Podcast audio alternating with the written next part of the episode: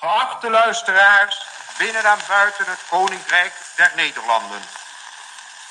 Onze vorstin, Hare Majesteit Koningin Wilhelmina, zal aanstonds tot u spreken. Hey, Wilhelmina. Landgenoot, Waar zit je? ik ben weer terug, eh, terug in Nederland.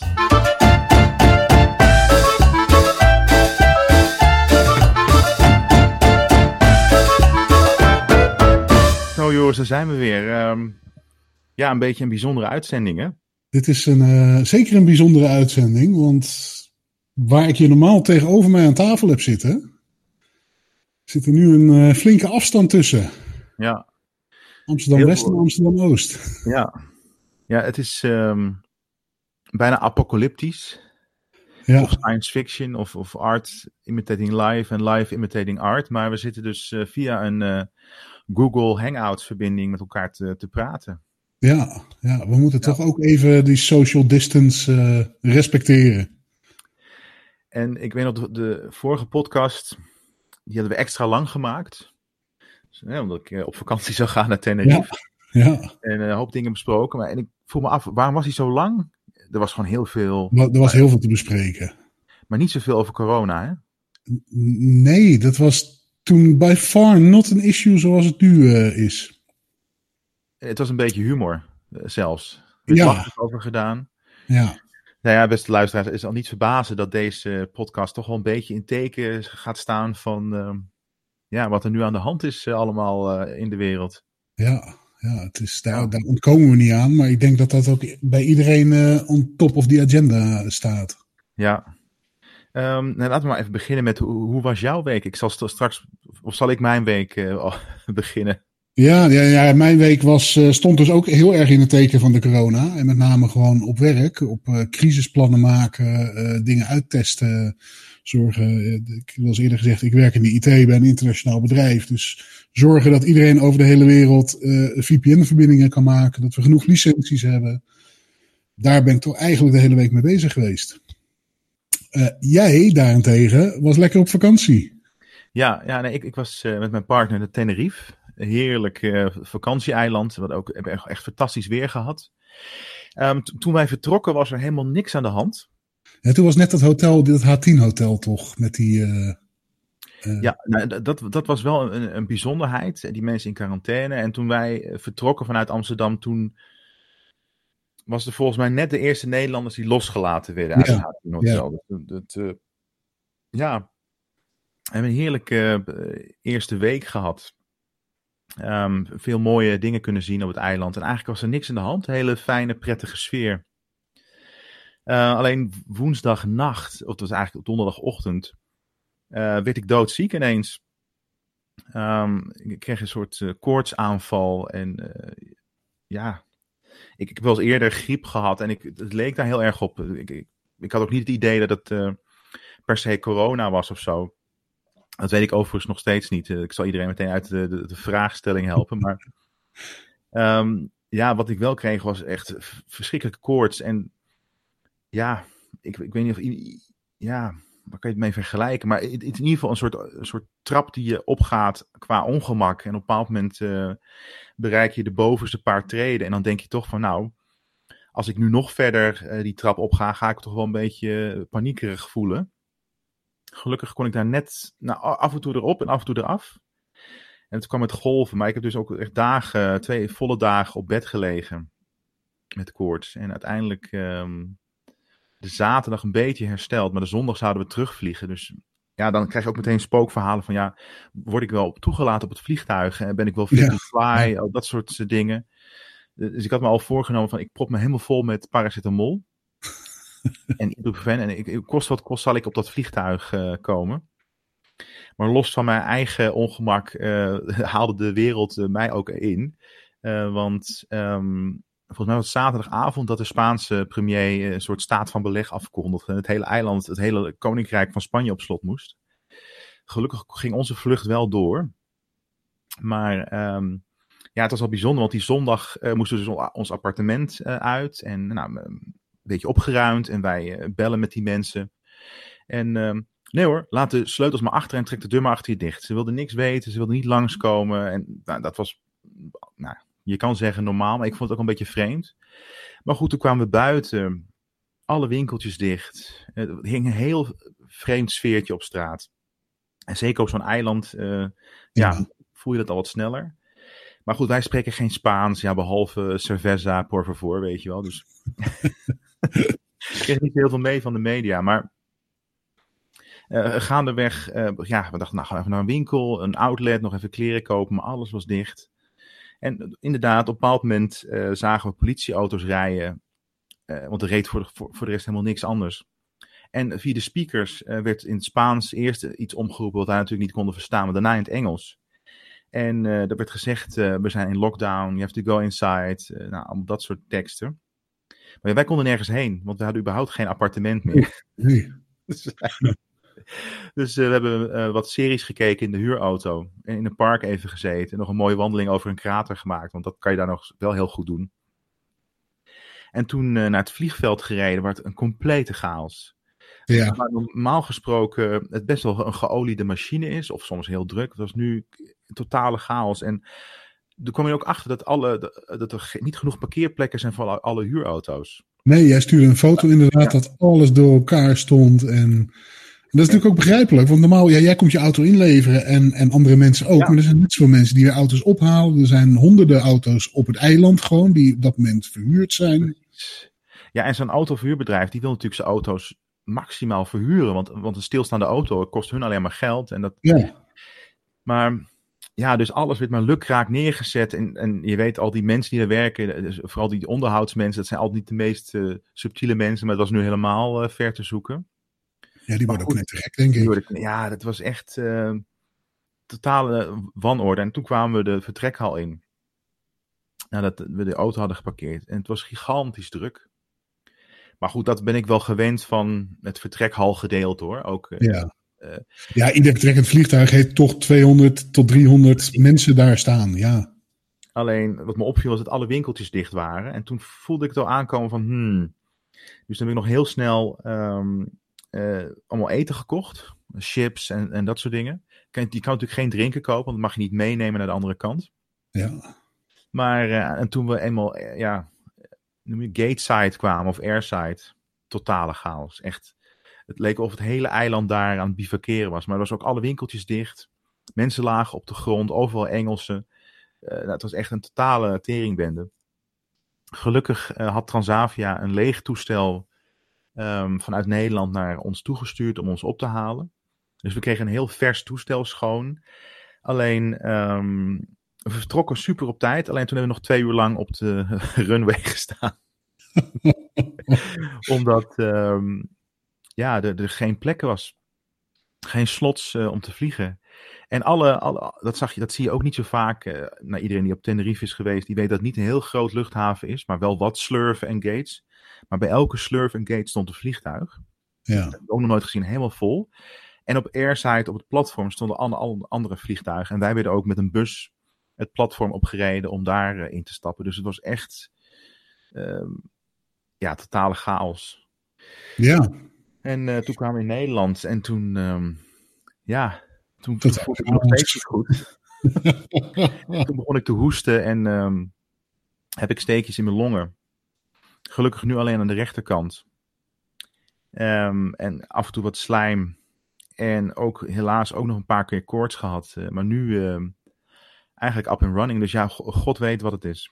Het ja, kan een miljoen ja, andere dingen zijn. Hè, maar en ze testen ja. ook mensen van onze leeftijd. Nee. worden gewoon niet meer getest. Het is, oh. het is helemaal niet interessant om te weten. Nee. Uh, er zijn te weinig testen. Uh, sowieso zijn wij natuurlijk een van de latere landen die het hebben gekregen. En de landen waar het eerder was, las ik, die hebben al heel veel van de beschikbare testen opgekocht toen de tijd. Ja. Ja, en aan de andere, ja, zelf zou je het graag willen weten. Heb, heb ik het nou of heb ik het nou niet? Maar voor het, het totaalplaatje is het eigenlijk niet zo interessant of je het hebt of niet. Nee, en ik, ik vind het ook dat we nu solidair moeten zijn. Dus ja, ik heb het helemaal niet nodig. Nee. Kijk, kijk, als stel je wordt onwel, je moet het ziekenhuis in. Dan is het heel fijn als er nog een test beschikbaar is. Hè, om, de, om het ziekenhuispersoneel ja. te beschermen en, en zekerheid te geven. En als patiënt. Ja. Dus dat. Uh, de oma van mijn partner wordt morgen wel getest. Maar we hebben net vanavond even met haar gebeld. Maar um, Ja, zij is heel uh, luchtig onder, maar heeft wel hoesten en koorts. Ja. Maar inderdaad, vanwege haar leeftijd, 82 geloof ik, uh, word je ja, toch word getest. je, uh, word je wel getest. Ja, want dan zit je in een risicogroep. Ja. Dat helemaal niet hoeft te zeggen dat het gevaarlijk wordt, maar ze willen wel weten of, of het. Kijk, als het geen corona is, het is gewoon een griep, dan zeggen ze lekker uitzieken en uh, laat Ja. het weten als het erger wordt. Precies, ja. Kijk, als het corona is, zullen ze waarschijnlijk iets meer de vinger op de pols gaan houden. Ja, en dan ehm, moet mijn hele schoonfamilie ook ehm, daarvan meteen op de hoogte gebracht Ja. worden. Want, hè, en, en dan moet hij dan ook thuis, ehm, Ja. thuis blijven en ehm, uitzieken. Ja, Even terug naar, naar het begin. Hè. Vorig, vorig, de vorige podcast hebben we het erover gehad. Toen was er eigenlijk nog niet zo heel veel aan de hand. Eh, we, hebben, we hebben toen al wel gezegd van, nou ja, ik heb wel wat extra eten ingeslagen en wat extra Ja. water in huis gehaald. Dat, dat is hamsteren voordat het hamsteren wordt. nou, valt het op zich wel mee, maar ik heb inderdaad wel wat, wat spullen gehaald om, om de eerste dagen in ieder geval door te komen. Dat, eigenlijk moet je dat ook doen voordat iedereen het doet, dan is er niks aan de hand. Want op dat moment was er ook nog niks aan de hand. We hadden in Tenerife dat H10 hotel. ja. Nou, we, hebben, we hebben het erover gehad van moet je er wel gaan, moet je niet gaan. Nou, eigenlijk niks aan de hand, dus we gaan gewoon. En als je dan kijkt wat er in die week veranderd is. Wereld, Dat is Ja. En eerst, eerst dacht ik nog van het is niet zo erg om daar te stranden. Totdat ik zag wat er met het eiland gebeurde. En, en als zo'n gebe- gebeuren op lockdown gaat, dan. Ja. Oh, Ja, er het- is helemaal het- niks. het- strand was afgezet met lint. eh, alsof je daar enige besmetting op kan doen. Ja, huidkanker misschien, maar voor de rest. eh, Ja, we zullen waarschijnlijk voorkomen dat iedereen op het strand gaat liggen, hutje mutje. ja, Maar ja, dus dat is echt. eh, het is in één keer omgeslagen. ja. Ik moet ook zeggen, het, ik ben, begin nu een beetje eraan te wennen. Ehm, ik, ik was vanmiddag even een, een rondje lopen eh, door het Westerpark en het Haarlemmerplein. En het was echt alsof er niks aan de hand was. Super druk. Echt heel veel mensen op straat. Het enige wat ik zag, de cafeetjes en dat soort dingen waren allemaal dicht. En ehm, ik kon zien dat de, de GVB-bussen hadden, waren afgezet met lint. Dus, dus Ja, de ingang is dicht. en dan- Ja, dus daaraan kon je het zien. Maar toen dacht ik wel. Enerzijds eh, maakt het me, stelde het me heel erg gerust. Om even gewoon weer eh, het normale dagelijkse leven te zien. Aan de andere kant dacht ik van shit, ehm, die lockdown gaat er geheid komen. Want het is, is te veel beweging in Amsterdam. Ja, maar op zich mensen die buiten zijn, zolang je. Dat virus, dat, dat is niet een levend organisme wat van, van de ene mens naar de andere springt. Dat, Nee. dat gaat met speekseldruppeltjes, met, met aanrakingen, met dat soort dingen. En zelfs al zou je elleboog tegen elleboog kletsen, dan is de kans op besmetting nog zo goed als nihil. Want het gaat ja. ook niet door je huid heen. Dus op zich is het niet zo heel erg als veel mensen buiten lopen. Zo- Zolang die mensen maar afstand houden van elkaar. Ja, Kijk, en als Ja, je is echt ziek bent, dan moet je niet buiten gaan lopen. Klaar. Dat, dat moet je gewoon niet doen. Maar ik denk als je echt ziek bent, dan heb je helemaal niet de behoefte om naar buiten te gaan. Dan ben je doodziek, dan ben je binnen. Ja, dan wil je in je Maar- bed liggen. Ja, je bent dus ook besmettelijk kennelijk in het voorstadium en misschien ook wel in het, la, in het, in het beter. Ja. Dus dat is een beetje. Maar goed, dat zal de tijd moeten uitwijzen. Ja, dat is het ding natuurlijk. We, we weten heel veel niet. We, het is allemaal een beetje gissen. Het, het virus lijkt op een griepvirus op, op heel veel fronten. Ja. Dus we nemen ook maar aan dat het zich gedraagt als een griepvirus, zolang we nog niet anders weten. Ja, er zijn natuurlijk best wel dingen. Want in het begin was het ook het verhaal: het is, het is niet besmettelijk als je nog niet ziek bent, als je nog geen verschijnselen hebt. Nee. Daar zijn ze ook weer op teruggekomen. Ja, precies. Dat blijkt dus toch ook waarschijnlijk niet zo te zijn. Ja, maar ja, als ik denk met een griep ben jij ook al besmettelijk voordat je echt ziek bent. Dus dat verbaasde mij een beetje.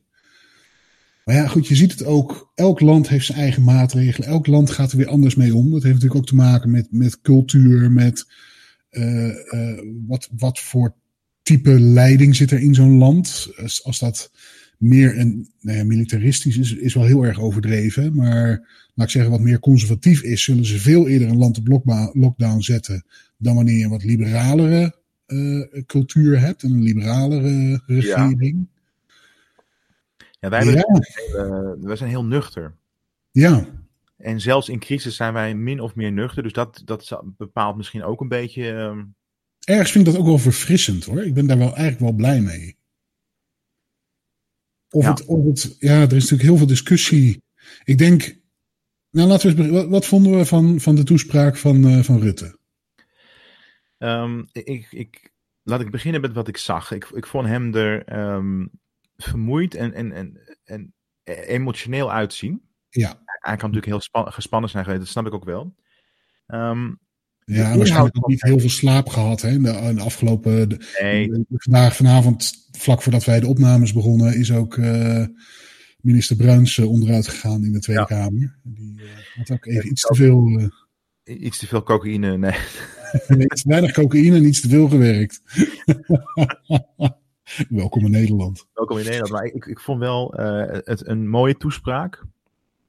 Ehm, ik, ik had gehoopt dat, dat, er iets van, eh, dat ik iets minder bezorgd zou zijn na die toespraak. Maar ik, ik werd er niet eh, heel erg vrolijk van.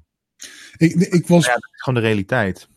ik had dat helemaal niet verwacht. Ik was best wel geraakt eigenlijk na, na die Ja. toespraak. Echt wel zo van, ik moest echt even, even bijkomen van wow, wat, wat gebeurt hier?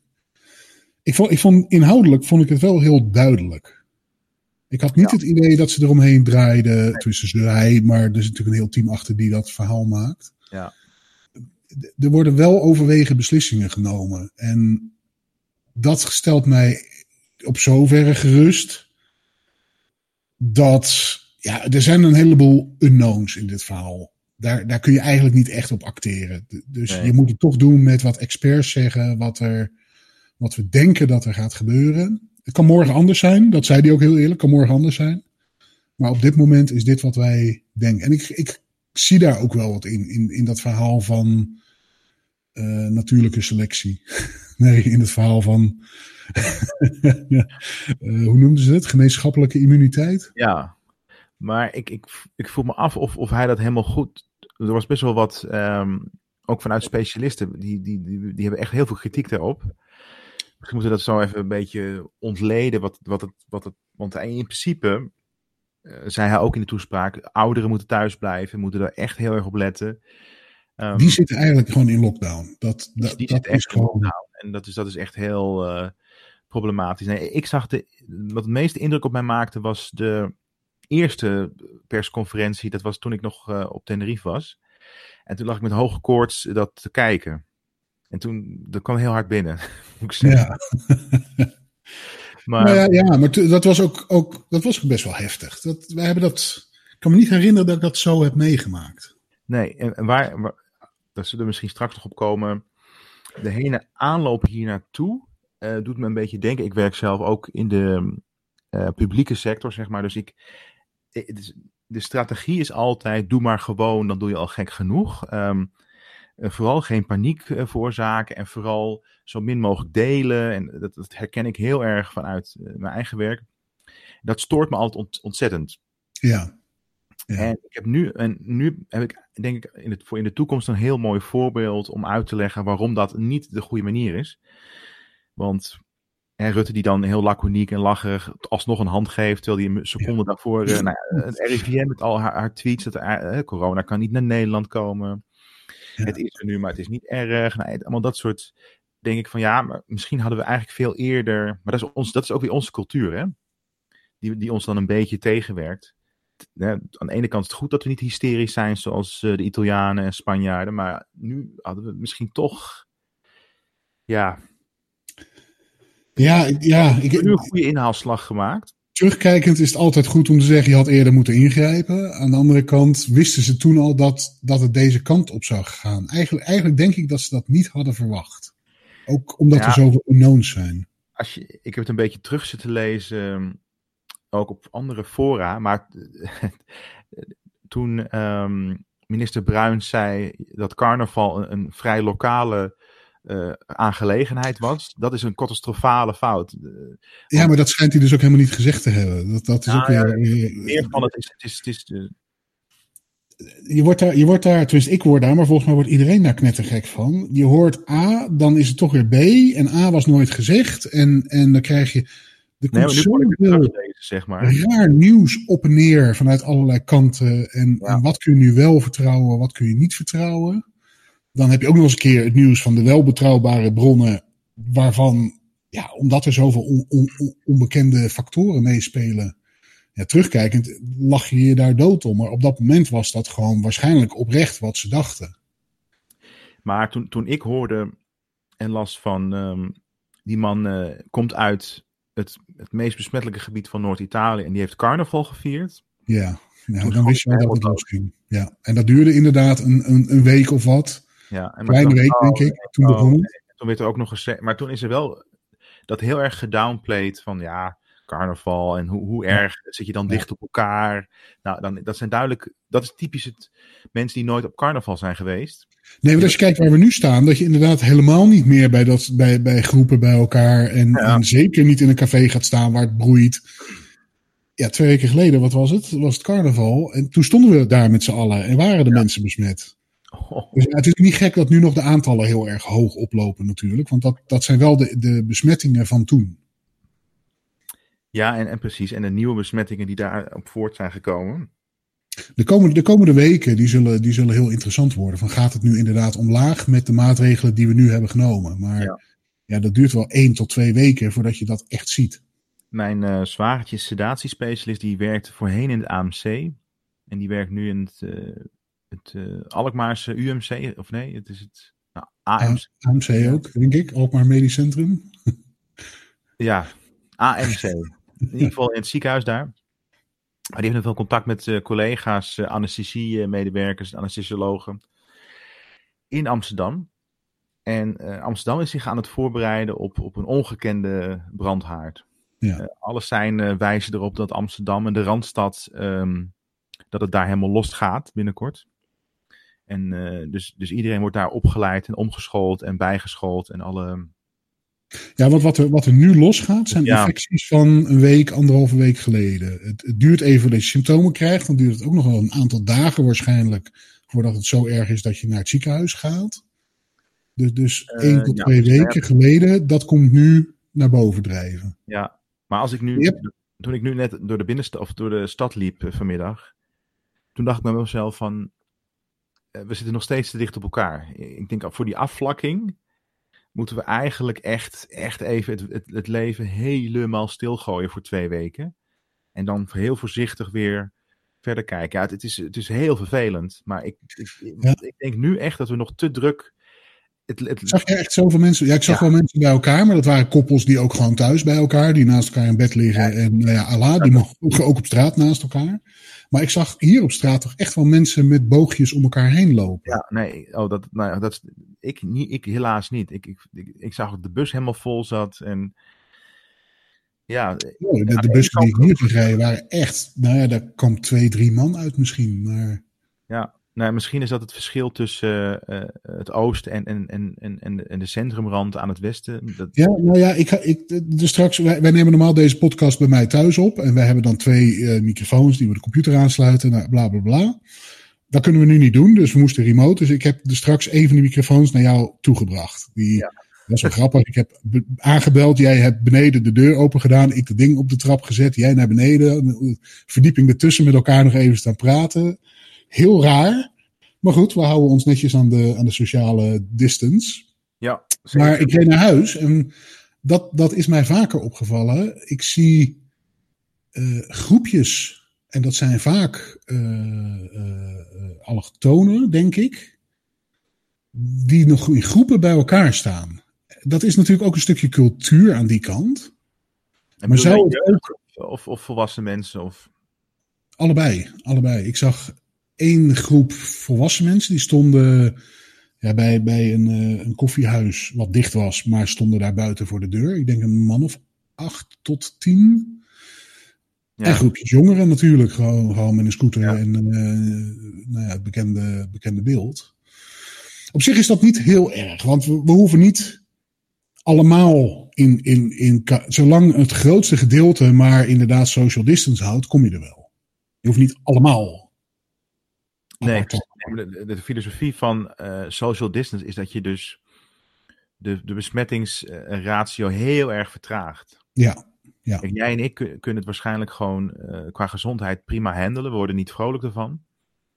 Maar juist om ervoor te zorgen dat wij niet per ongeluk oma of opa. Ja, ja. Dat, is, dat is het allerbelangrijkste. Maar dat, dat, maar dat zag je ook vandaag in de, in de debatten van de Tweede Kamer in de afgelopen dagen ook. Uh, vooral uh, meneer Wilders is daar heel erg mee bezig. Die zegt uh, dat, dat deze keuze van het kabinet duizenden levens gaat kosten. Terwijl dat natuurlijk helemaal niet zo is. Want, want wij moeten juist ziek worden om immuun te worden. En wij gaan er niet aan dood. Je moet juist zorgen dat die kwetsbare groep niet ziek wordt. Klopt, alleen we gaan ervan uit, en dat is nog, een, nog echt wel een aanname, dat wij uh, immuniteit kunnen opbouwen en kunnen behouden. En dat is niet zeker. Nee, dat, dat is een van de onbekende factoren, want daarvoor bestaat het nog niet lang genoeg. Als je kijkt naar de influenza, um, ja, die kan je dus elk jaar weer krijgen. Ja, niet degene die je al had, maar het influenzavirus muteert ook continu ja. naar andere types. En... Dus als, als, dat is echt mijn, dat, daar, daar, daar zou ik, ik lig niet zo snel wakker ergens van, maar dat is iets waar ik wakker van zou kunnen liggen. Als nou ja, dat... dat gaat gegarandeerd gebeuren, ook met dit virus. Dat gaat zich ook op een gegeven moment een keer muteren, maar dat gaat niet van de een op de andere dag. Daar, daar gaan een aantal jaren overheen. Dat, nogmaals, ja, maar... het is geen levend intelligent wezen wat, wat zich kan ontwikkelen. Het, maar het ze zien nu delingen.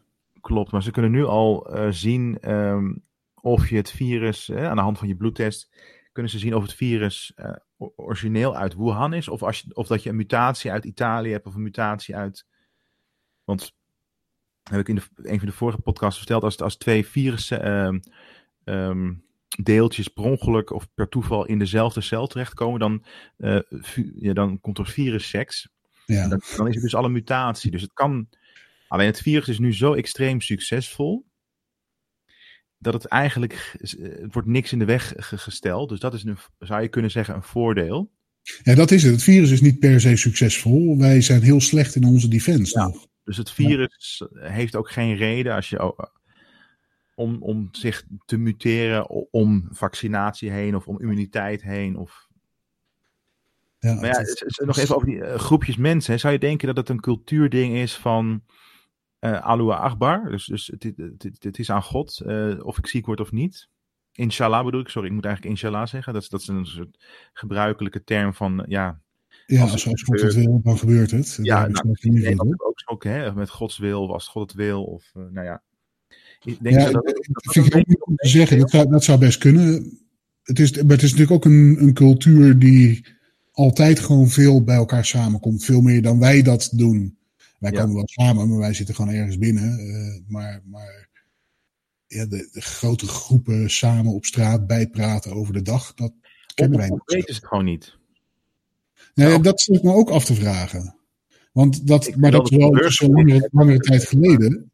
Uh, uh, een kennis van mijn moeder, dat was Marokkaanse, die wist eigenlijk nog niet zo heel veel af dat het ook in Europa was. Dus dat is denk ik anderhalve week geleden. En dat, dat verbaast mij dan. Want nou ja, zij kijkt alleen maar Marokkaanse tv. En, en daar, was het, daar was het gewoon niet op. Het was in Marokko nee, maar... een klein beetje. En er werd niks over Europa verteld. Sterker nog, er komt op die tv-zenders niks over Europa. Nee, nee, maar ja, wij horen ook niks over Marokko. Uh, je hebt natuurlijk de Engelstalige Al Jazeera. Maar die kijken ze natuurlijk niet. Nee, nee. Nee, maar ja, wij zien op... wel meekrijgen. Ja, maar wij zien, wij zien op, de, op de publieke omroepen of op RTL of, of zeker niet op SBS, zien wij ook niet het dagelijkse nieuws van wat er in, in Afrika of Noord-Afrika gebeurt. Nee, dat, nee. nee. nee, dat echt. Um... Ja, het is spannende tijden. Ik. ik um... Maar ja. wat, ik, ik nog wel zeggen met die groepjes die op straat lopen. Het is niet zo van ik loop op straat en ik kom iemand anders tegen en die loopt langs mij binnen een meter afstand. Of ik trek mij misschien zelfs wel aan met mijn jas wil hem niet zeggen dat ik dan meteen besmet ben. Zo, zo erg is het ook niet. Nee. Als je echt met iemand staat te praten op korte afstand, ja, dan komen er natuurlijk vochtbelletjes en een beetje vies verhaal. Maar dan spuug je eigenlijk iemand in zijn gezicht. Ja, nou, we hebben het allemaal wel eens een keer gevoeld en meegemaakt. Dat ja. iemand. Uh... Ja, en dan, ja. dan gaat het virus wel over. Maar ja. ja, met vreemden sta ik niet op een korte afstand continu te praten op straat. En als zij langslopen, is de kans op besmetting ook nog niet zo heel groot.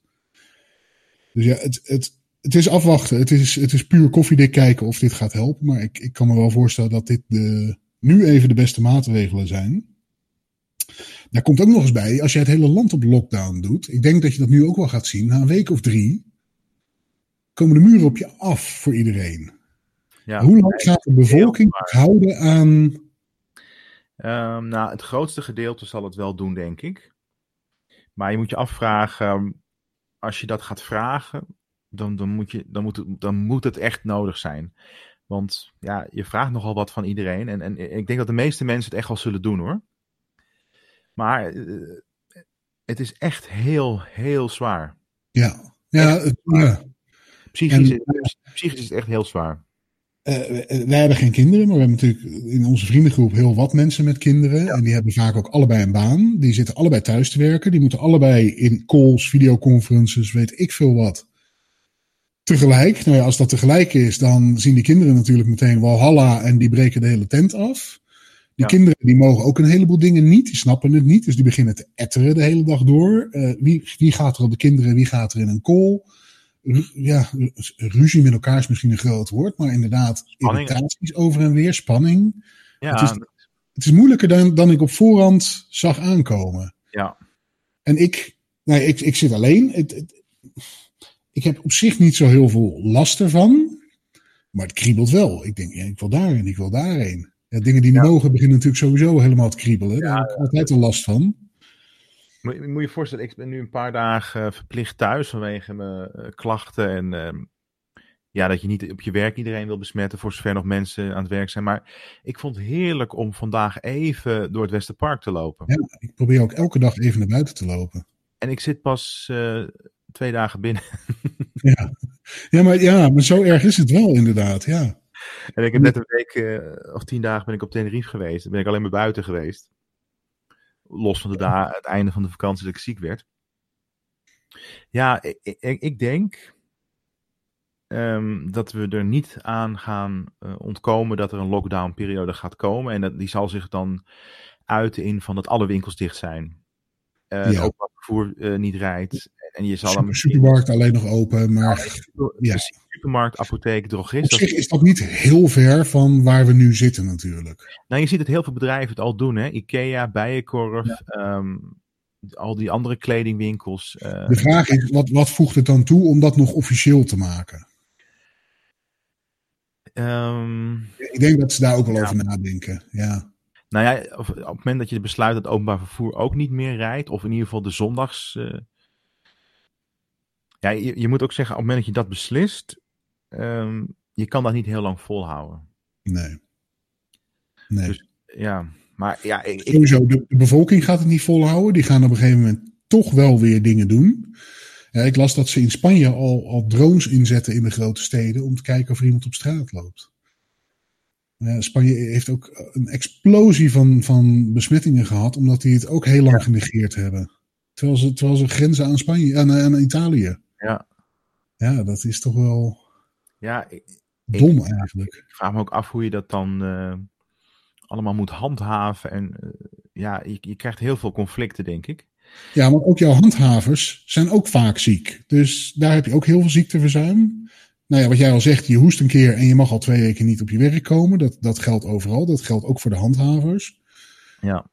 En, en wat, wat grappig was, toen ik uh, mijn werk ging bellen, toen zeiden ze, ja nee, voor ons, uh, we zijn uh, een, een, kritieke sector, uh, ligt de grens hoger. Dus, dus voor de, als je in een winkel werkt, dan is een neusverkoudheid, moet je thuis blijven. Maar toen werd mij verteld, nee, bij ons is dat al helemaal, bij ons is, is, is criterium koorts. Maar toen dacht ik van, ja, wij zijn een kritieke sector. Dan zou je dus eigenlijk misschien beter voor moeten kiezen om niet de ruimere... Ja, ja. Want, want, want, stel dat jij dan inderdaad als uh, brandweerman uh, toch naar het werk gaat, ik noem even een, een, sector. Ja. En jij besmet daar het hele korps. Dan hebben we heel de brandweer ziek. Dat, dat is toch niet handig? Ja, dus dat. Uh, ja. Nou goed, we, we, doet er niet echt toe waar ik werk, maar ons, ons noodplan is dat we tot 70% van al het personeel ziek uh, nog kunnen blijven draaien. Ja. Dat, dat ja, we nog alles blijven doen. En ik werk bij een commercieel bedrijf, een, een groot internationaal commercieel bedrijf. Ja, bij ons ligt natuurlijk de saleskant ligt ook op zijn gat. Dus er komt geen, geen nieuwe orders binnen. Uh, we zijn een softwarebedrijf, dus we hebben wel lopende licenties, die vaak ook al wel vooruitbetaald zijn. Daar redden we het wel even mee. Maar je ziet consultants en zo, daar zakt het werk natuurlijk ook hard in. Ja. En dat zie, dat zie je toch wel overal. Uh, uh, ik zit in de IT operations. Bij ons is, is het razend druk. Want wij moeten natuurlijk in één keer In plaats van een aantal kantoren moeten wij ineens uh, uh, 2500 kantoren over de hele wereld, oftewel thuiswerkplekken. Ongelooflijk, hè? Ja, ja. En dat gaat, dat gaat nog redelijk goed, moet ik zeggen. Het is, het is uitdagend, het is druk. Het, is, het, het, leuke eraan vind ik, is dat je de hele tijd aan het improviseren bent. Uh, ja, de, de, bijvoorbeeld in Engeland heb ik maandag een, een, dame die is nieuw aangenomen. Die begint maandag. Die moet een laptop hebben. Die laptop ja. kun je alleen maar installeren op een van de kantoren. Maar ja, dat is allemaal dicht. God. We kunnen het wel remote, maar dat kan alleen maar IT zelf doen. Want daar zijn administrator passwords bij nodig. Ja. Uh, de laptops worden centraal vanuit Nederland verstuurd. Dus ik laat nu een laptop naar mijn collega in Engeland sturen, naar zijn thuisadres zodat hij dat, die laptop kan activeren en installeren. Dan laten we het daar weer ophalen met een courier en dan naar die nieuw, nieuw starter uh, haar huisadres brengen. Dan krijgt zij op de ochtend dat zij begint, want we hebben natuurlijk ook overal two-factor authentication, dus je hebt zo'n code die je dan moet krijgen, maar ja, dat heeft zij nog niet, die app, app heeft zij nog niet. Dus dan sturen we dat per sms naar haar toe. Maandagochtend kan ze inloggen, krijgt ze remote training. Ja, en dan hopen we eigenlijk dat ze aan het werk. Ja, dit, dit soort dingen bedenken. Maar het kan ook simpelweg iemand. Ik had vandaag iemand in Duitsland. De microfoon van zijn headset was afgebroken. Maar ja, iedereen zit continu met een headset op in, in allerlei calls. Ja, hoe krijg ik nu een headset daar? Ik heb hier thuis geen liggen. Dus inderdaad, een, een nieuwe besteld bij Amazon. Direct naar zijn huisadres laten leveren op mijn creditcard. Ik declareer het wel weer. Nou ja, dat, dat vind ik wel leuk hoor, dat dat improviseren. Om het toch voor elkaar te krijgen. Zo zie je maar, in, in, tijden van crisis worden mensen heel creatief, hè? Ja, ja. Nou ja, Maar- en, en- Ja, ja, ga verder, ga verder. Kun je je voorstellen dat dit het begin is van 2020? Nee, kon jij je in het begin van 2020 voorstellen dat dit twee maanden later zou gebeuren? Echt niet. Nee. Nee, ik weet nog dat wij met Oud en Nieuw waren wij toevallig ook bij elkaar. Nou, dit wordt een mooi jaar, dit wordt een mooi jaar. Afgelopen jaar waren wat vervelende dingen gebeurd. Eh, laat, laat dit maar eens gewoon een mooi jaar worden. Drie maanden later zitten we in quarantaine. Godverdomme. Daar had ik niet voor durven tekenen toen hoor. Ik vind het echt heel bijzonder, ja. Ja, Ja. Maar over die creativiteit. Eh, wat ik wel geweldig vind en waar ik ook heel blij mee ben, is alle techniek die we nu hebben. Het kunnen skypen met inderdaad eh, je ouders, waar je, waar je nu even niet langs wil, want je wil ze niet besmetten, want die zijn ook op leeftijd. Ja. Het contact houden met vrienden, de internetmemes die over, over WhatsApp gaan en, en allemaal van dat soort grappen. Eh, dat vind ik toch wel heel leuk in deze dat tijd. heel cool, ja. Heel creatief. Dat zijn de, de leuke, ja, god, voor zover je van leuke kan spreken. Ja, maar het houdt de spirit er wel een beetje in. Ik, ik moet wel Het is- Dat, dat, dat klopt. Ik moet zeggen, het is zo snel gegaan. Ehm, het voelt ook wel af en toe een beetje als een soort slechte droom. ja. Eh, Ja, is dit wel werkelijk? Het- Ja. En ook, ook dat we eigenlijk niet weten hoe lang dit gaat duren en wat de toekomst gaat brengen. En ja. Dat zijn natuurlijk vrij negatieve gedachten. Dus je kan daar positief of negatief over denken. Maar stel je neemt het negatieve scenario. Dat het inderdaad een soort influenza is. Wat zich eindeloos gaat muteren. Dus ja, hoe, wat, hoe, hoe zal de samenleving er dan over een jaar uitzien? Is dat niet... Ja. Ja, ik denk dat we er allemaal wel eens over nadenken. En, en zeker zorgverlening en zo moet daar natuurlijk ook gewoon rekening mee houden. Je houdt rekening met het ergste, wordt het minder. Nou ja, dan valt het mee. Je kan niet rekening houden dat er niks gaat gebeuren. En als het erger wordt, oh jee, oh jee. Eh, ja, we, we we weten het niet. Maar ja, het kan, het alle kanten op. Het is wel weer. ehm, daar had ik vanmiddag over dat het ook een boost is voor de wetenschap. Een ongekende boost voor de, de microbiologie en, de, en de virologie. En, en, en, Ja, ja. eh, die, die krijgen nu een gigantische boost. Dat- en ook hoog nodig, uiteraard. Maar ja, dus het heeft ook, zoals Johan Cruijff zei, elk nadeel heeft zijn voordeel.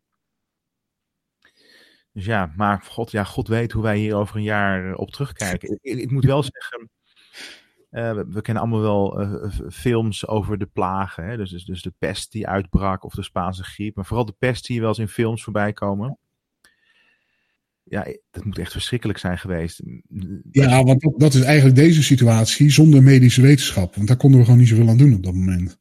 Zonder medische wetenschap, zonder kennis, Ja. ja, of heel beperkte kennis. Ja, dat En is nu gewoon en dan niks doen. Alle ziekenhuizen dicht en eh, je zoekt het maar uit. Ja, Ja, en, iedereen krijgt, en, en iedereen gaat er ook aan dood. En dat is bij dit virus natuurlijk niet zo. Hè? Dat, eh, Nou ja, dat is ook zo'n gek, gek iets. Ik snap wel, je wordt doodgegooid natuurlijk met statistieken. Eh, je wordt ook doodgegooid met statistieken hoeveel procent er nu overlijdt.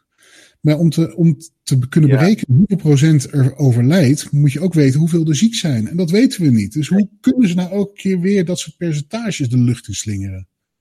Nee, precies. Dat, eh, en, en dat las ik toevallig ook. eh, het RIVM eh, telt wel de nieuwe ziekenhuisopnames, maar niet de aant- het aantal ontslagenen. Dat, die- Nee, hoeveel mensen zijn er weer genezen? Precies, dat, maar dat, dat zal misschien later, in een later stadium. Eh, Ik kan me haast niet voorstellen dat het niet ergens opgeschreven wordt als iemand het ziekenhuis verlaat. Maar Tuurlijk, ja. welke, hè, ook als je overlijdt of levend het ziekenhuis uitgaat, dat wordt volgens mij allebei geregistreerd. Maar Tuurlijk. Maar je ziet in alle getallen, dan, dan waren er gisteren zoveel en vandaag zoveel. En dat gaat maar omhoog en omhoog en omhoog. Ja. Ja, dat zijn nieuwe gevallen. Maar het ga- er zijn ook gevallen die weer beter zijn. Maar die worden niet in die cijfers meegerekend. Waardoor het. Het is heel erg. Dat, dat, dat ben ik ook helemaal niet, niet, niet moeilijk over. Maar die statistieken. En dat is eigenlijk altijd zo met statistieken. Laat ik eerlijk zijn. Statistieken hebben altijd een verhaal daarachter. En als je dat verhaal daarachter niet niet, niet leest of niet snapt of niet krijgt, dan kunnen statistieken een hele andere uitwerking geven. En dat zie ik toch ook wel weer gebeuren hoor. Klopt. Wat wel positief is dat ehm, in China, China de nieuwe besmettingen die ze registreren, dat zijn mensen die uit, door, door een buitenlandse variant ge, besmet zijn. Dus of uit het buitenland komen, of eh, een COVID-19 vanuit het buitenland hebben. Dat betekent dus dat hun aanpak ehm, het wel werkt. Dat, in, dat kan haast niet. Want dat betekent dus dat, dat hun variant van het virus helemaal uitgestorven is. Eh, er komen geen nieuwe mensen bij. Dus Is er zijn dat- wel nieuwe infecties, maar dan testen ze die mensen en dan kunnen ze zien, kennelijk, aan de mutatie. En dat, dat, dat, dat, het virus kennelijk vanuit Europa of een ander land en weer terug. Ja, Als ik ik, heel eerlijk ben, ik vertrouw die cijfers van China niet. Ik denk dat China andere cijfers naar Nee. buiten brengt om te voorkomen dat er nog meer economische schade optreedt. Dat we China helemaal links laten liggen. dat is waar. Wat ik wel positief vind dan, dan dat het vorige punt is dan inderdaad wel discutabel, op zacht gezegd. Eh, dat ze aan het vaccineren zijn.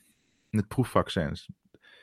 Waar Ja. ook heel veel me- medici over zeggen van dat het niet heel verstandig is, omdat je eigenlijk niet weet wat je aan het doen bent. Nee, maar ja. Ja, je kan er heel lang over doen en inderdaad alle processen nalopen. En dan heb je over twee jaar misschien een keer een vaccin. Ja, of, of Of weet je, als, als, ik, als ik doodziek in het ziekenhuis lig met corona, geef mij maar zo'n vaccin. Kijk Ja, wat maar er gebeurt. Het vaccin heeft alleen zin als je het al niet hebt. Nog niet. eh, ja, ja nee, sorry, ik bedoelde ook geneesmiddel als ze dat willen gaan testen. nee, vaccin is natuurlijk van tevoren. Hè? Maar inderdaad, eh, nou ja. Wat, wat ook grappig is dat het eh, tuberculosevaccin ehm, eh, niet, niet helpt, want tuberculose is een bacterie, maar eh, dat, dat geeft een bepaalde boost aan je immuunsysteem. Dat zijn ze nu aan het testen bij, in Nederland ook bij eh, mensen in het ziekenhuis, die, eh, ziekenhuismedewerkers. Ja, Dus dat geeft kennelijk je immuunsysteem een, een trigger om, om, om sterker te worden eventjes. Waardoor je... ja dat hebben ze ook met, met, met hoge dosis vitamine C. Hè? Dat zijn ze ook aan het testen. Dus, daar is wetenschappelijk niet heel veel onderbouwing voor. Maar ja, ze willen het wel proberen, want het, ze kunnen het ook niet uitsluiten op het moment. Vitamine C is echt een heel bijzonder ehm Ja. goedje. Nou, het schijnt op celniveau het een en ander te, te doen. Ik heb me daar niet heel erg in verdiept, maar ik zag dat op tv. Ze, ze zeiden ook, het, het, het, het is zeker niet dat we denken dat dit echt helpt. Maar het kan misschien wel bijdragen in het bestrijden van eh, het virus. stimuleert ook je immuunsysteem natuurlijk, je weerstand. Ja, ja, het is natuurlijk nooit één op één dat er iets zo gebeurt. Een lichaam zit zo complex in elkaar dat het allerlei subreacties geeft. En, en ja, daar kan toevallig dan inderdaad iets getriggerd worden wat helpt. En het misschien niet weghaalt, maar het in ieder geval helpt te bestrijden. Of je, je immuunsysteem assisteert om het te bestrijden. Ja. En eh, wat ook wel vrij interessant is, eh, dat ibuprofen, de NSAID's, dus de, de non-steroid ehm, anti-inflammatory drugs, zoals dat heel eh, chic heet, dat die ehm, ja, voor dit virus eigenlijk gevaarlijk zijn. ja, ook dat is vandaag weer ontkracht. Hè? Nou, ik, Het is, ik, In een wetenschappelijk rapport eh, eh, is aangetoond dat dat eigenlijk niet zo heel veel uitmaakt. Zij het niet. Eh, eigenlijk moet je je koorts niet verlagen, want koorts heb je nodig om virus aan te vallen. Klopt, alleen ik, ik heb een uh, artikel, ik heb een, een bevriende psychiater en zij zei ook van het, het, is onzin, maar toen ging ze toch een beetje onderzoek doen. En toen kwam ze een artikel in de Lancet tegen, die zal ik je doorsturen. Waarin wel naar voren kwam dat er aanwijzingen waren dat um, ibuprofen um, een bepaald, uh, bepaald eiwit, ACE2, verhoogt. En dat gebruikt het virus juist om uh, ook te kunnen, cellen te kunnen binnendrinken. Ja, ja dus, dus, er is vandaag heel veel discussie over dat daar eigenlijk niet genoeg wetenschappelijk bewijs is. Het is getest, maar op een heel klein groepje mensen. Klopt. Waarbij niet allerlei externe factoren zijn uitgesloten. Dus het is helemaal niet duidelijk of dat daardoor komt. Klopt, want ik, inderdaad, toen ik zag, dat waren drie onderzoeken uit China en inderdaad de populaties. Eentje was inderdaad wel wat, wat veel, was duizend of zo, maar die andere twee, dat was echt onder de veertig mensen. Ja. Dus, maar los daarvan, uh, wat wel grappig is, is dat ibuprofen überhaupt uh, helemaal geen voorkeursbehandelmiddel uh, is voor griep. Nee, nee, dat is voor ontstekingen en zo wellicht kan het helpen. Dus, maar het is wel goed dat mensen dus ook dat niet nemen, los van of het dan wel of niet ik ben al jaren gestopt met nemen van ibuprofen. Ik, ik neem gewoon paracetamol. Dat is, ik, ik heb best wel een tijdje last gehad van, van mijn maag, met maagzuur en zo. En sinds ja, ik ben met ibuprofen is het helemaal weg. Ja. Dat is gewoon voor je maag is niet lekker. Het, het, het is best wel rotspul. En het, het, ziet eruit als snoepjes en je kan het kopen bij de drogist. Waar ook snoepjes verkocht worden. Maar het zijn echt geen snoepjes. Nee, het is echt... Uh nog even terug naar die. Ik krijg elke dag van mijn werk um, een overzichtje ge-mailed. Nu, nu, heb ik hem toevallig van vandaag niet, maar dat zijn altijd een aantal besmettingen. En dat is op zich wel grappig om te vergelijken. Uh, Nederland had gisteren 1700 besmettingen, geteste besmettingen. Italië had gisteren 28.000 geteste besmettingen. Ja. Uh, het is natuurlijk een veel groter land en andere, en ze zijn eerder begonnen en het is daar kennelijk heel eh, veel meer verspreid. Maar ik vind het nogal een, een, een groot verschil. Nou, wat, wat daar ook meespeelt, is dat Italië was natuurlijk een van de eerste landen in Europa. Die hebben meteen heel veel testen opgekocht. Zij testen veel meer mensen dan wij dat doen. Dus ja, als je meer mensen test, gaan er ook meer positieve resultaten naar boven komen.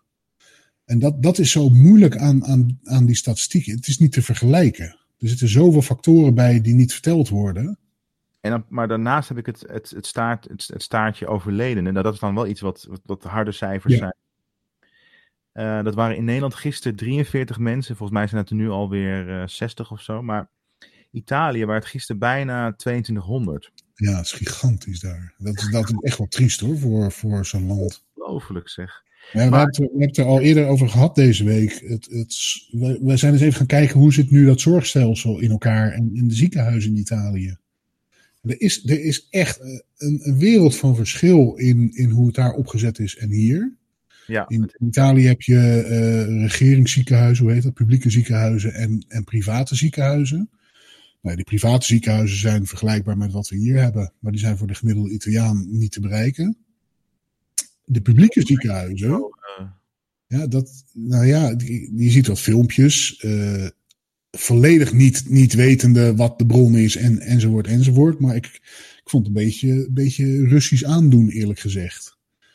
Uh, de, de, ja. Waar je bij ons een IC, dat ziet eruit als, als een, een, een spaceship met high-end apparatuur enzovoort. Ja, het is net of je NASA binnenstapt hoor. Ja. Voor mijn werk ben ik ik heb dan twee IC's gezien, gelukkig niet als patiënt, maar het AMC en het VU. Ja, dat is mijn referentiekader. Uh, dat, dat, dat zijn echt. Eh, dat ja. is de allerhoogste technologie, dus de nieuwste, de nieuwste shit, zeg maar. Ja. Dus toen ik dat beeld van Italië zag, uh, toen herkende ik wel de manier van behandelen. Dus hoe die mensen erbij liggen, zeg maar. Dat is wel hetzelfde als in Nederland. Ja, maar quarantaine was ook niet echt de apparatuur eromheen. En hm? De quarantaine was ook niet echt, echt goed opgezet daar. Het, het liep allemaal door elkaar. En, ja. Ja, ik, ik las op, ja. bij, bij de publieke ziekenhuizen in Italië kreeg je ook lang niet altijd eten. Er wordt eigenlijk verwacht dat de familie dat kon brengen, bijvoorbeeld. Oh, net als in Japan is dat ook zo. Ja, maar ja, dat wil je juist niet in zo'n situatie als nu. Ik weet ook niet of ze dat nu nog doen hoor. Ja, maar er is veel en veel minder geld beschikbaar voor zorg in, in, in Italië. Ze betalen ook eigenlijk geen zorgpremie. Het wordt allemaal gewoon uit de normale belastingen betaald. waar Italianen ook al niet zo goed in zijn, in belasting betalen. Het is wel, het is wel een andere situatie, een andere, andere wereld. Daar komt ook nog eens bij dat Italië naast, ik geloof Monaco, by far de meest oudere mensen, oudere bevolking heeft. Ah, Italië heeft de meeste 65-plussers. Dus dat kan wel Ja. verklaren. Dat, Eh, dat, ja, het zal niet helemaal het getal verklaren, maar het telt natuurlijk wel mee. Precies. En Italië heeft een cultuur. En dat is op zich een hele mooie eh, onderdeel van de cultuur. Maar dat, dat doet ze nu de das om. Ehm, die families die leven eh, bij elkaar. Dus, dus ook opa en oma wonen vaak of in dezelfde straat. Of opa en oma wonen in hetzelfde huis. En zorgen voor de kleinkinderen. Dat is een super mooie, warme cultuur. Maar dat, dat is Ja. nu echt. Voor, voor besmettingen is dat natuurlijk. Genest. En dat, dat is anders dan hier. Ja, Maar ja, wat je hier dan zag. eh, wat killer volk hebben zoals de Nederland. ja. maar ja, wat je hier dan zag in België gaan de kroegen dicht, in Nederland nog niet. Dus half België komt in Nederland in de kroeg staan. Ja, dat werkt ik ook niet. Nee, Ik vond het echt super asociaal. ja, ik ook. Ja. Ik, ik was echt stom verbaasd eh, toen ik dat las en hoorde. Maar dan, dan, dan laat ik er even, kijk, het zijn Belgen, maar laat ik ervan uitgaan dat Belgen ook gewoon een fatsoenlijk stel hersenen hebben. Ja, tuurlijk. Dan is het waarschijnlijk gewoon niet zo goed uitgelegd aan ze. Ja, of ze denken van daar zijn we veilig of zo. Maar ik zou echt denken van nou, eh, die kroeg eh, kan nog wel een weekje wachten. Of, of Ja, al moet het een half jaar wachten. ja, Dat vind ik nou nog het minst erge van het hele verhaal. Ik ga graag even ergens een biertje drinken. Maar ja, als dat niet kan, dan kan dat niet. Dan stap ik wel overheen. ik, ik vind het heel bijzonder. Eh, ik zit denken, moeten we nog even de maatregelen nog even bekijken of die op tijd waren of niet? Of... Ja, ja. Nou, dat is natuurlijk bij ons een beetje begonnen met carnaval. Ja, ik zit even te kijken of ik even de, de, de Twitter-ding van eh, het RIVM erbij kan pakken. Ja. ja, in het begin was het natuurlijk, het, het, er was wat discussie over of carnaval gevaarlijk zou zijn voor de verspreiding, ja, of nee. Eh, ja, ik denk dat ieder gezond mens zou zeggen, ja, dat is gevaarlijk. Want er zitten heel veel mensen bij elkaar in een, in een lekker dampige omgeving. Je gaat van kroeg naar kroeg naar kroeg naar kroeg. Dus dat besmet zich wel. Eh, daar was de RIVM volgens mij nog niet helemaal achter op dat moment. Dat wel heel bijzonder. Ehm, ik ik, ik eh, zoek hem er even bij hoor. Dus dan moet ik even. Nou dus als, als, als ik intussen alvast even, even verder kijk. eh, de eerste besmetting was Loon op Zand, geloof ik. En vanaf daar zagen we het in een paar dagen tijd flink oplopen. En dat was allemaal Brabant. Ik denk dat we best wel kunnen zeggen dat. eh, maar ja, de- de- daar is een verschil in hoe, hoe wij dat zien. Wij kunnen best zeggen van ja, daar heeft eh, carnaval een grote rol in gespeeld. Logisch nadenken, ja Precies, ja. Onderbouwen en bewijzen kunnen we dat niet. Dat is puur logisch denken en wij denken dat.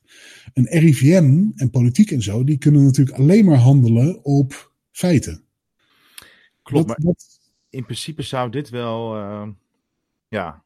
ja, iedereen weet hoe carnaval is. Ik, tuurlijk besmet het zich daar. En als je dan pak een beetje een week na carnaval zoveel besmettingen hebt in Brabant, ja, dan is 1 plus 1 wel 2.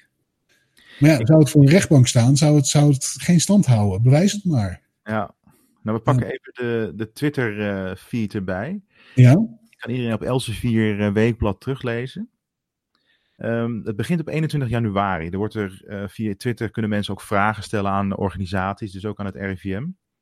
En dan vraagt iemand van ja, eh, dat MERS of SARS eh, uit Wuhan, is dat gevaarlijk voor Nederland? Dan wordt er gezegd, eh, hallo Jos. Nou, MERS is een ander coronavirus dan het virus nu en het treft vooral Wuhan. Uiteraard houdt het in de gaten. Ehm, nou, er zijn nu nog geen mensen in eh, Nederland. En de kans lijkt overigens ook heel klein dat het virus naar Nederland komt. Nou goed, dan kan je op dat. Ja, ook daarbij logisch nadenken. Nee, want dat virus dat kent helemaal geen grenzen. Dus tuurlijk komt dat ook deze kant op. maar dat was 21 januari. En dan ga, je, dan ga je er naar 22 januari. Dan doen ze een persbericht uit, ook voor je Twitter. We bereiden ons in Nederland voor op een mogelijke uitbraak van het virus. Dat is één dag later. Dan 24 januari. We staan in nauw contact met alle instanties, WHO, et cetera. De ziekte lijkt, met wat er nu bekend is, niet zo heel besmettelijk. Ai, ai, ai, ai, ai. Even de meest besmettelijke. Ja. 28 januari. Eh, het, nog steeds zeggen ze dat het eh, niet heel besmettelijk is. En het, de ziekte lijkt zich ook niet heel makkelijk van mens tot mens overdraagbaar. Nou, dan gaan we verder. Ja, 3 februari. We zijn ons aan het voorbereiden. Er treden maatregelen in werking die nu nog niet nodig zijn. Nou, dat is nog een. Uh. 5 februari. Ook zonder klachten kun je het virus hebben. Maar pas als mensen ziek worden, kunnen ze anderen besmetten. Nou, dat is al iets voortschrijdend in, maar nog steeds. Uh, um, 11 februari. Keiharde statement. Iemand zonder klachten verspreidt het virus niet. 13 februari. In Nederland nemen we proportionele maatregelen. In China doen ze dat blijkbaar anders. Een beetje zo'n sneer naar China. Nou, ja, heel even pauze op dit punt, waar, waarbij je zegt van uh, uh, als je niet ziek bent kun je het niet verspreiden. Dat was, dat was natuurlijk, wij, wij hadden het virus hier ook niet, dus wij, wij moesten puur afgaan op de informatie die we uit China kregen, neem ik aan. Klopt, ja. de informatie is die jij krijgt, is dat de informatie die jij krijgt. Ja, ook daarbij waren natuurlijk zo verschrikkelijk veel uh, dingen onbekend. Dan 14 februari op Valentijnsdag. Dan um, twittert het RIVM. Um, hier leggen wij uit waarom we ons geen zorgen hoeven te maken over het COVID-19-virus. Dat is echt een argument dan? Als dit ooit eenmaal uh, teruggeëvalueerd wordt. Ja, maar dat is, ik bedoel, zonder, zonder daar heel gek over te hoeven doen, dat, dat is wel, ik zou dat wel willen weten. Hoe, hoe kan dat dan, dan dat er in een ja. periode 180 graden gedraaid is? Dan moeten we echt even... Is, want die moet ook niet volhouden. maar hoe kan het dat er zo'n verschil in zat? Echt hè? En dan 21 februari, eh, de Nederlandse bevolking hoeft zich geen zorgen te maken. Als het virus in Nederland komt, dan geven we dat gelijk door aan iedereen. Nou, dat is op zich... Uh... 24 februari, in alle Nederlands ziekenhuis kan de juiste behandeling uh, worden uitgevoerd, voldoende capaciteit. Nou, dat zijn allemaal hele goede, goede dingen.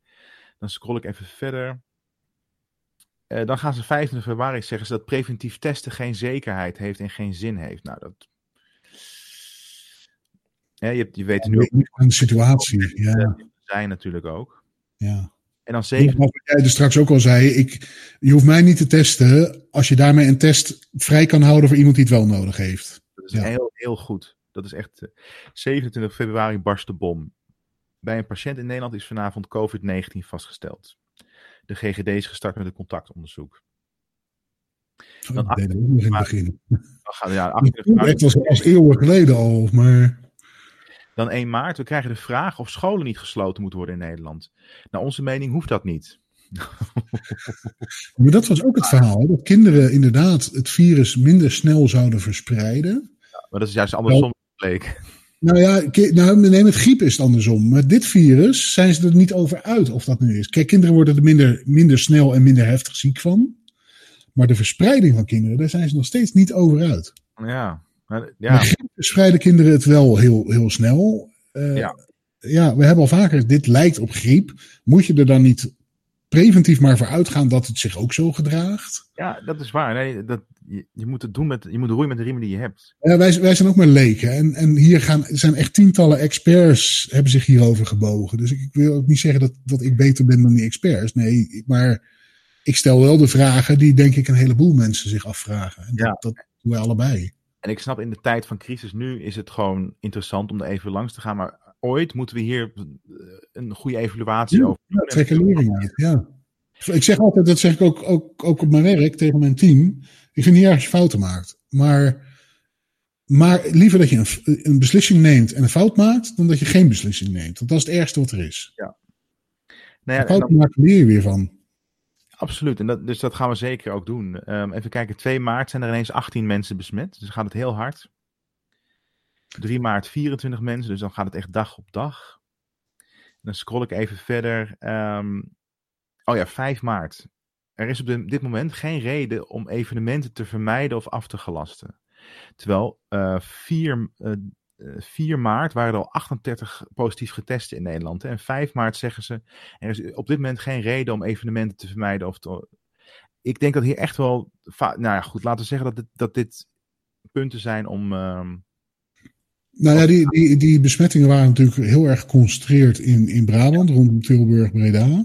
Dan 6 maart zeggen ze, we adviseren alle inwoners van de provincie Noord-Brabant uh, om bij verkoudheid, hoesten of koorts hun sociale contacten te beperken. Maar niet, niet in quarantaine te gaan. Hè? Dus... Nee. dan krijg je de eerste overledene. Uh, 8 maart wordt het wel kritiek, want dan heb je ineens bijna 300 mensen, waarvan drie mensen overleden. En dan wordt er gevraagd op 9 maart hoeveel testen er zijn gedaan. Dan zegt RIVM 6000. Dus dan wordt al flink. Uh, dat is natuurlijk niks, hè? 6000 op een bevolking van 17 miljoen. Ja, dat is. Uh, Peanuts. Uh, dan 12 maart, het RIVM zeggen ze van op dit moment lijkt het sterftecijfer nog niet verontrustend. Oké, 12 maart, hè? dat is een paar, een paar dagen geleden. Dus zes dagen terug, ja. ja. Um, even kijken, 14 maart. Nou, dan geven ze gewoon het aantal, eh, duizend mensen, uh, duizend mensen uh, positief, 140 mensen opgenomen. Dat is nog steeds gewoon informatief. 15 maart, alle scholen dicht. Even kijken, 16 maart, nou, dan, gaat, dan, gaat het, dan stopt het eigenlijk, want het RVM is ook gestopt met uh, tweeten. Nou, dat moet ik zeggen, hè, want, want ik heb dat, ik heb dat ook wel gezien. Zijn met tweeten. Ja, nou die, die scholen dicht. Ik snap dan wel waarom ze dat open hielden. Tegelijkertijd zat er echt in die klasse zat maar een handjevol leerlingen. Die klas van 30 zat nog maar drie man of zo uh, die in de school kwam. Dus uiteindelijk die maatregel om scholen dicht te doen, is nou niet geweest dat, je dan, dat die scholen helemaal vol zaten daarvoor. Die waren al voor 90 procent. ja. Dus dat, is niet helemaal dat je nou denkt van, hé, hey, heftig daar. Wat, wanneer begon de echte uitbraak nou, zei je? 3 maart of zo? Uh, carnaval was van 23 tot en met 25 februari. Ja, dan is er nog helemaal niks aan de hand inderdaad. Een week daarna is 3 maart. En, en 6 maart adviseren ze onder mensen uit Brabant uh, hun sociale contacten te beperken als ze koorts hebben. Dus nog niet eens. Ja, ja, dat, ja dat, is, dat is anderhalve week daarna. Ja. En dat is dus inderdaad een week uh, na carnaval beginnen die nummers op te lopen. En, uh... Eh, 12 maart is het sterftecijfer nog niet verontrustend volgens de RIVM. feitelijk kan je dat ook stellen, hè, als je het gewoon landelijk bekijkt. Maar... Ik vind het sterftecijfer eerlijk gezegd nog steeds niet verontrustend. Want het zijn, het zijn... Eh, als er nu geen griep... We vergeten dat er nu ook een griepepidemie aan, ja. Als die niet, die niet zou zijn... Um, nou, dit virus is natuurlijk... Omdat niemand, resist, niemand heeft uh, immuniteit, dus iedereen krijgt Dus dat is al erger dan de griep. Maar het, het, helpt natuurlijk niet dat er nu een griepepidemie aan de hand is. Nee, en we zijn, we zijn nu zeg even drie weken in, in de uh, besmettingstijd. Er zijn nu 60, 70 mensen overleden. Wat zonder meer heel, heel triest is voor elk individueel geval. Ja, Maar 60, 70 mensen in drie weken tijd die overlijden. Dat zijn ook nog eens vaak mensen die al onderliggende klachten hadden. Die hadden dus met een griep misschien ook wel gewoon overleden geweest. Die hadden misschien als er niks gebeurd was, waren er ook vast wel een aantal overleden dat weet je dus niet. En dat, daar kom ik toch weer terug op die cijfers. Die cijfers zelf, die kunnen een heel vertekenend beeld geven. Klopt. Ja, ik zit nu even te kijken. Ehm, het is verschrikkelijk hoor, nogmaals, voor, voor iedere, iedereen die daarbij betrokken is. Dat, dat, en ook de manier waarop het gaat, want uitvaarten mag je eigenlijk niet meer bij zijn. Uh, ja, lijn, uh, teruggekomen door. Um, het werd een beetje snel besloten. Ja. Maar uh, moet je je voorstellen dat, dat de kleinkinderen niet bij open op de begrafenis mogen. Maar stel, um, dat vond ik ook wel een grappig voorbeeld, dat, dat, dat een overleden alleen maar kleinkinderen heeft, dus geen kinderen meer. Dat kan natuurlijk ook een. Ja. Dat zou die dus niet mogen. Het slaat helemaal nergens op. Nou ja, en, en ik ga nog even een stapje eerder. Die persoon die ligt op sterven. En er mag ook niemand bij het bed komen. Ja, dat is echt dat is verschrikkelijk. Dat, dat vind ik echt wel heel triest hoor, dat soort dingen. En ik snap het. Maar dat, is, dat is wel heftig. Ik, uh, omdat, het zo, omdat ik niet aan het werk ben, zit ik best wel veel op Twitter de laatste dagen. Er was ook zo'n tweet van zo'n vrouw, um, jonge vrouw, die zei: Nou, ik uh, ga voor de 22e keer uh, naar het ziekenhuis voor chemo, maar ik mag maar alleen en ik zit ook alleen daar. En ze zegt: Ja, het is, het is, het is heel onwerkelijk. Dus, dus al die mensen die zorg nodig hebben of, of, of ziek zijn, of. Er was ook zo'n andere iemand, Jan Roos, die twitterde zijn moeder was jarig. Hebben ze voor, de, voor het glas van de voordeur heeft hij voor haar een liedje gezongen. Ja. ja, dat soort dingen. Dan denk ik, jezus man, ik, ik, voel dat echt mee. Ik, ja, ik sprak mijn moeder eergisteren even over de telefoon. Toen zei ze ook van, ja, wanneer kunnen we elkaar weer een knuffel geven? En, en ik zeg, ja, dat kan, ik, ik zeg, ik weet het niet. Het kan echt lang duren. Ja, nou ja, ja, ja, nou ja, jij bent zelf dan nog ziek, dus dan snap ik helemaal dat, je, dat je dat niet doet. Ik, ik, ik heb nergens last van. Maar ik, ik wil er ook niet mijn moeder, die ook op leeftijd is, besmetten. Dus Oh, besmetten, ja. ik heb dagelijks Skype-contact. Ik ben heel blij dat dat gewoon nu kan. Je ziet elkaar, je spreekt elkaar. Maar ja, het liefste zou ik inderdaad ook gewoon eens een keer een knuffel geven en even langs gaan en Ja. helpen met de dingen. Ja, Dus ja, het, eh, het is pittige tijden. Pittige het zijn tijden. zeker pittige tijden. En ik denk ook dat we er voorlopig nog niet vanaf zijn. Sowieso zijn we er voorlopig niet vanaf. De vraag is even hoe lang de, de maatregelen nog zo. Op een gegeven moment gaat dat natuurlijk losser worden. En dan gaan we kijken, gaan de aantallen weer omhoog? Zo ja, dan zal het weer strenger worden. Zo nee. Kijk, uiteindelijk, ik ben, ik, daar ben ik het wel mee eens. Er moet gewoon een groot deel van de bevolking ziek geweest zijn en immu- immuniteit opbouwen. Als dat Dan kan. krijg je op een gegeven moment het vaccin er nog eens bij. Dan schiet natuurlijk helemaal de immuniteit omhoog. Ja, dan zijn we ja, je moet zorgen dat, dat die zorg inderdaad niet overbelast wordt. Ik hoorde vandaag dat we, we hebben nu in Nederland eh, ongeveer 750 bedden klaar liggen voor ernstige patiënten. En er zijn er 120 geloof ik, 150 nu bezet. Dus we kunnen nog een heel, heel stuk aan. Ja, maar we moeten het niet op de spits drijven. Nee, want uiteindelijk 750 op 17 miljoen is natuurlijk ook weer niet zo heel veel. Dan zal niet iedereen meteen ziek worden en, en zeker niet naar het ziekenhuis hoeven. Nee, maar, maar go- godzijdank hoeven jij en ik niet een, een geplande operatie te ondergaan of zo. Nee, nee. Maar voor heel Nederland staan alle geplande ingrepen stil. Ja. Moet je je voorstellen hoe onze, wat, wat eh, de mensen die dus een nieuwe heup moeten of wat dan ook, die, dat, dat is gewoon on hold. eh, zonder eh, datum dat het iets. En dat betekent voor de meeste mensen, ja, je wordt niet, niet voor niets geopereerd. Dus je hebt ergens verschrikkelijk veel last van. Waarschijnlijk heel veel pijn van. Het beperkt je in je mogelijkheden. Ja, bij, bij mijn zwagertje ehm, in, in, in, in het ziekenhuis, het enige wat zij doen is spoed en oncologie. Ja, ja. Ja ik kan me dat heel goed voorstellen. Dus als jij ehm, ja, iets anders hebt wat daar buiten die categorieën valt, eh, dan, dan, dan begrijpelijk is dat stopgezet. Ja, ja tenzij het ur- urgent is natuurlijk. Echt urgent.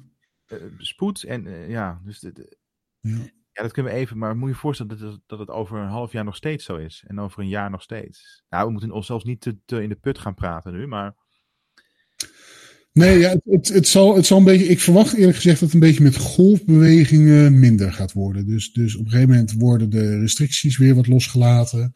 Ja, dan zie je toch weer de aantallen omhoog. Dan worden toch weer opgeroepen om, om weer voorzichtig te zijn. Dat, dat is een beetje wat ik verwacht. En zo hebben we langzaam richting weer de normale leven.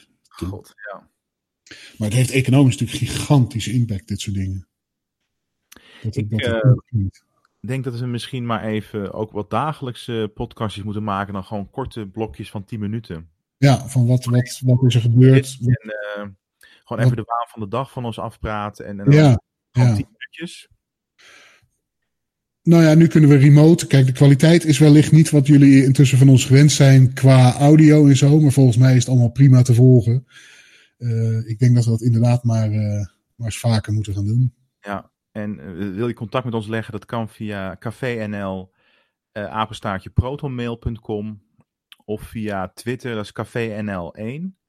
Of via YouTube, cafénl. Café NL op YouTube, op alle podcastplatforms Café NL terug te vinden. En eh, ja, altijd, eh, we staan eh, zeker open voor jullie vragen, jullie commentaar. zeker in deze tijden. Ja, en ja, heb je belangrijke informatie of inzichten of, of wat dan ook? Ja, deel het vooral met ons. Ja, Ehm, dan kunnen we het ook weer delen met anderen. En zo helpen we elkaar ehm, deze ja, vage periode door. En, en allemaal blijf, blijf gezond. Hou die sociale eh, distance eh, eh, gewoon goed vast. En, ook, al, ook over twee weken nog steeds en over drie weken nog steeds. doe, doe het dus niet voor jezelf, maar je doet het echt voor elkaar. En voor Ja. je ouders die, die in angst leven nu. Ja, ja. En, en maak jezelf ook niet gek. Ik bedoel, het hamsteren op wc-papier. We lachen er allemaal heel hard om. Maar ja, intussen zijn er miljoenen mensen die het doen. Ik, Is het- mijn eerste levensbehoefte, laat ik het zo zeggen. ja, bijzonder. eh, Dat is massagedrag, dat is kuddegedrag. Ja, Hadden we maar zoveel eh kudde-immuniteit als dat we kuddegedrag hebben, dan was er geen Ja, ja, ja. Maar, maar laat je jezelf niet gek maken. En we zijn ook nog niet zover dat we binnen moeten blijven. Dus, dus je mag gerust even de straat op, maar hou, hou gewoon je afstand tot anderen. Precies, ja. En, eh, maak jezelf niet gek. En eh, was je handen Ja, het thuiskomen en, en, en gedurende de dag thuis was ook gewoon nog een paar keer je handen. ja. En, Heb eh, jij ook, want als ik dan buiten loop en, en nou ja goed, je hebt misschien een keer een deurkruk aangeraakt, dus je bent in de supermarkt geweest en je weet, ik mag dan mijn gezicht niet aanraken, moet ik niet doen. Dan begint mijn gezicht toch te jeuken in alle hoeken en gaten. Irritant is dat, hè? Oh, dat is niet te harde. maar ja, dat is dus jezelf gek maken.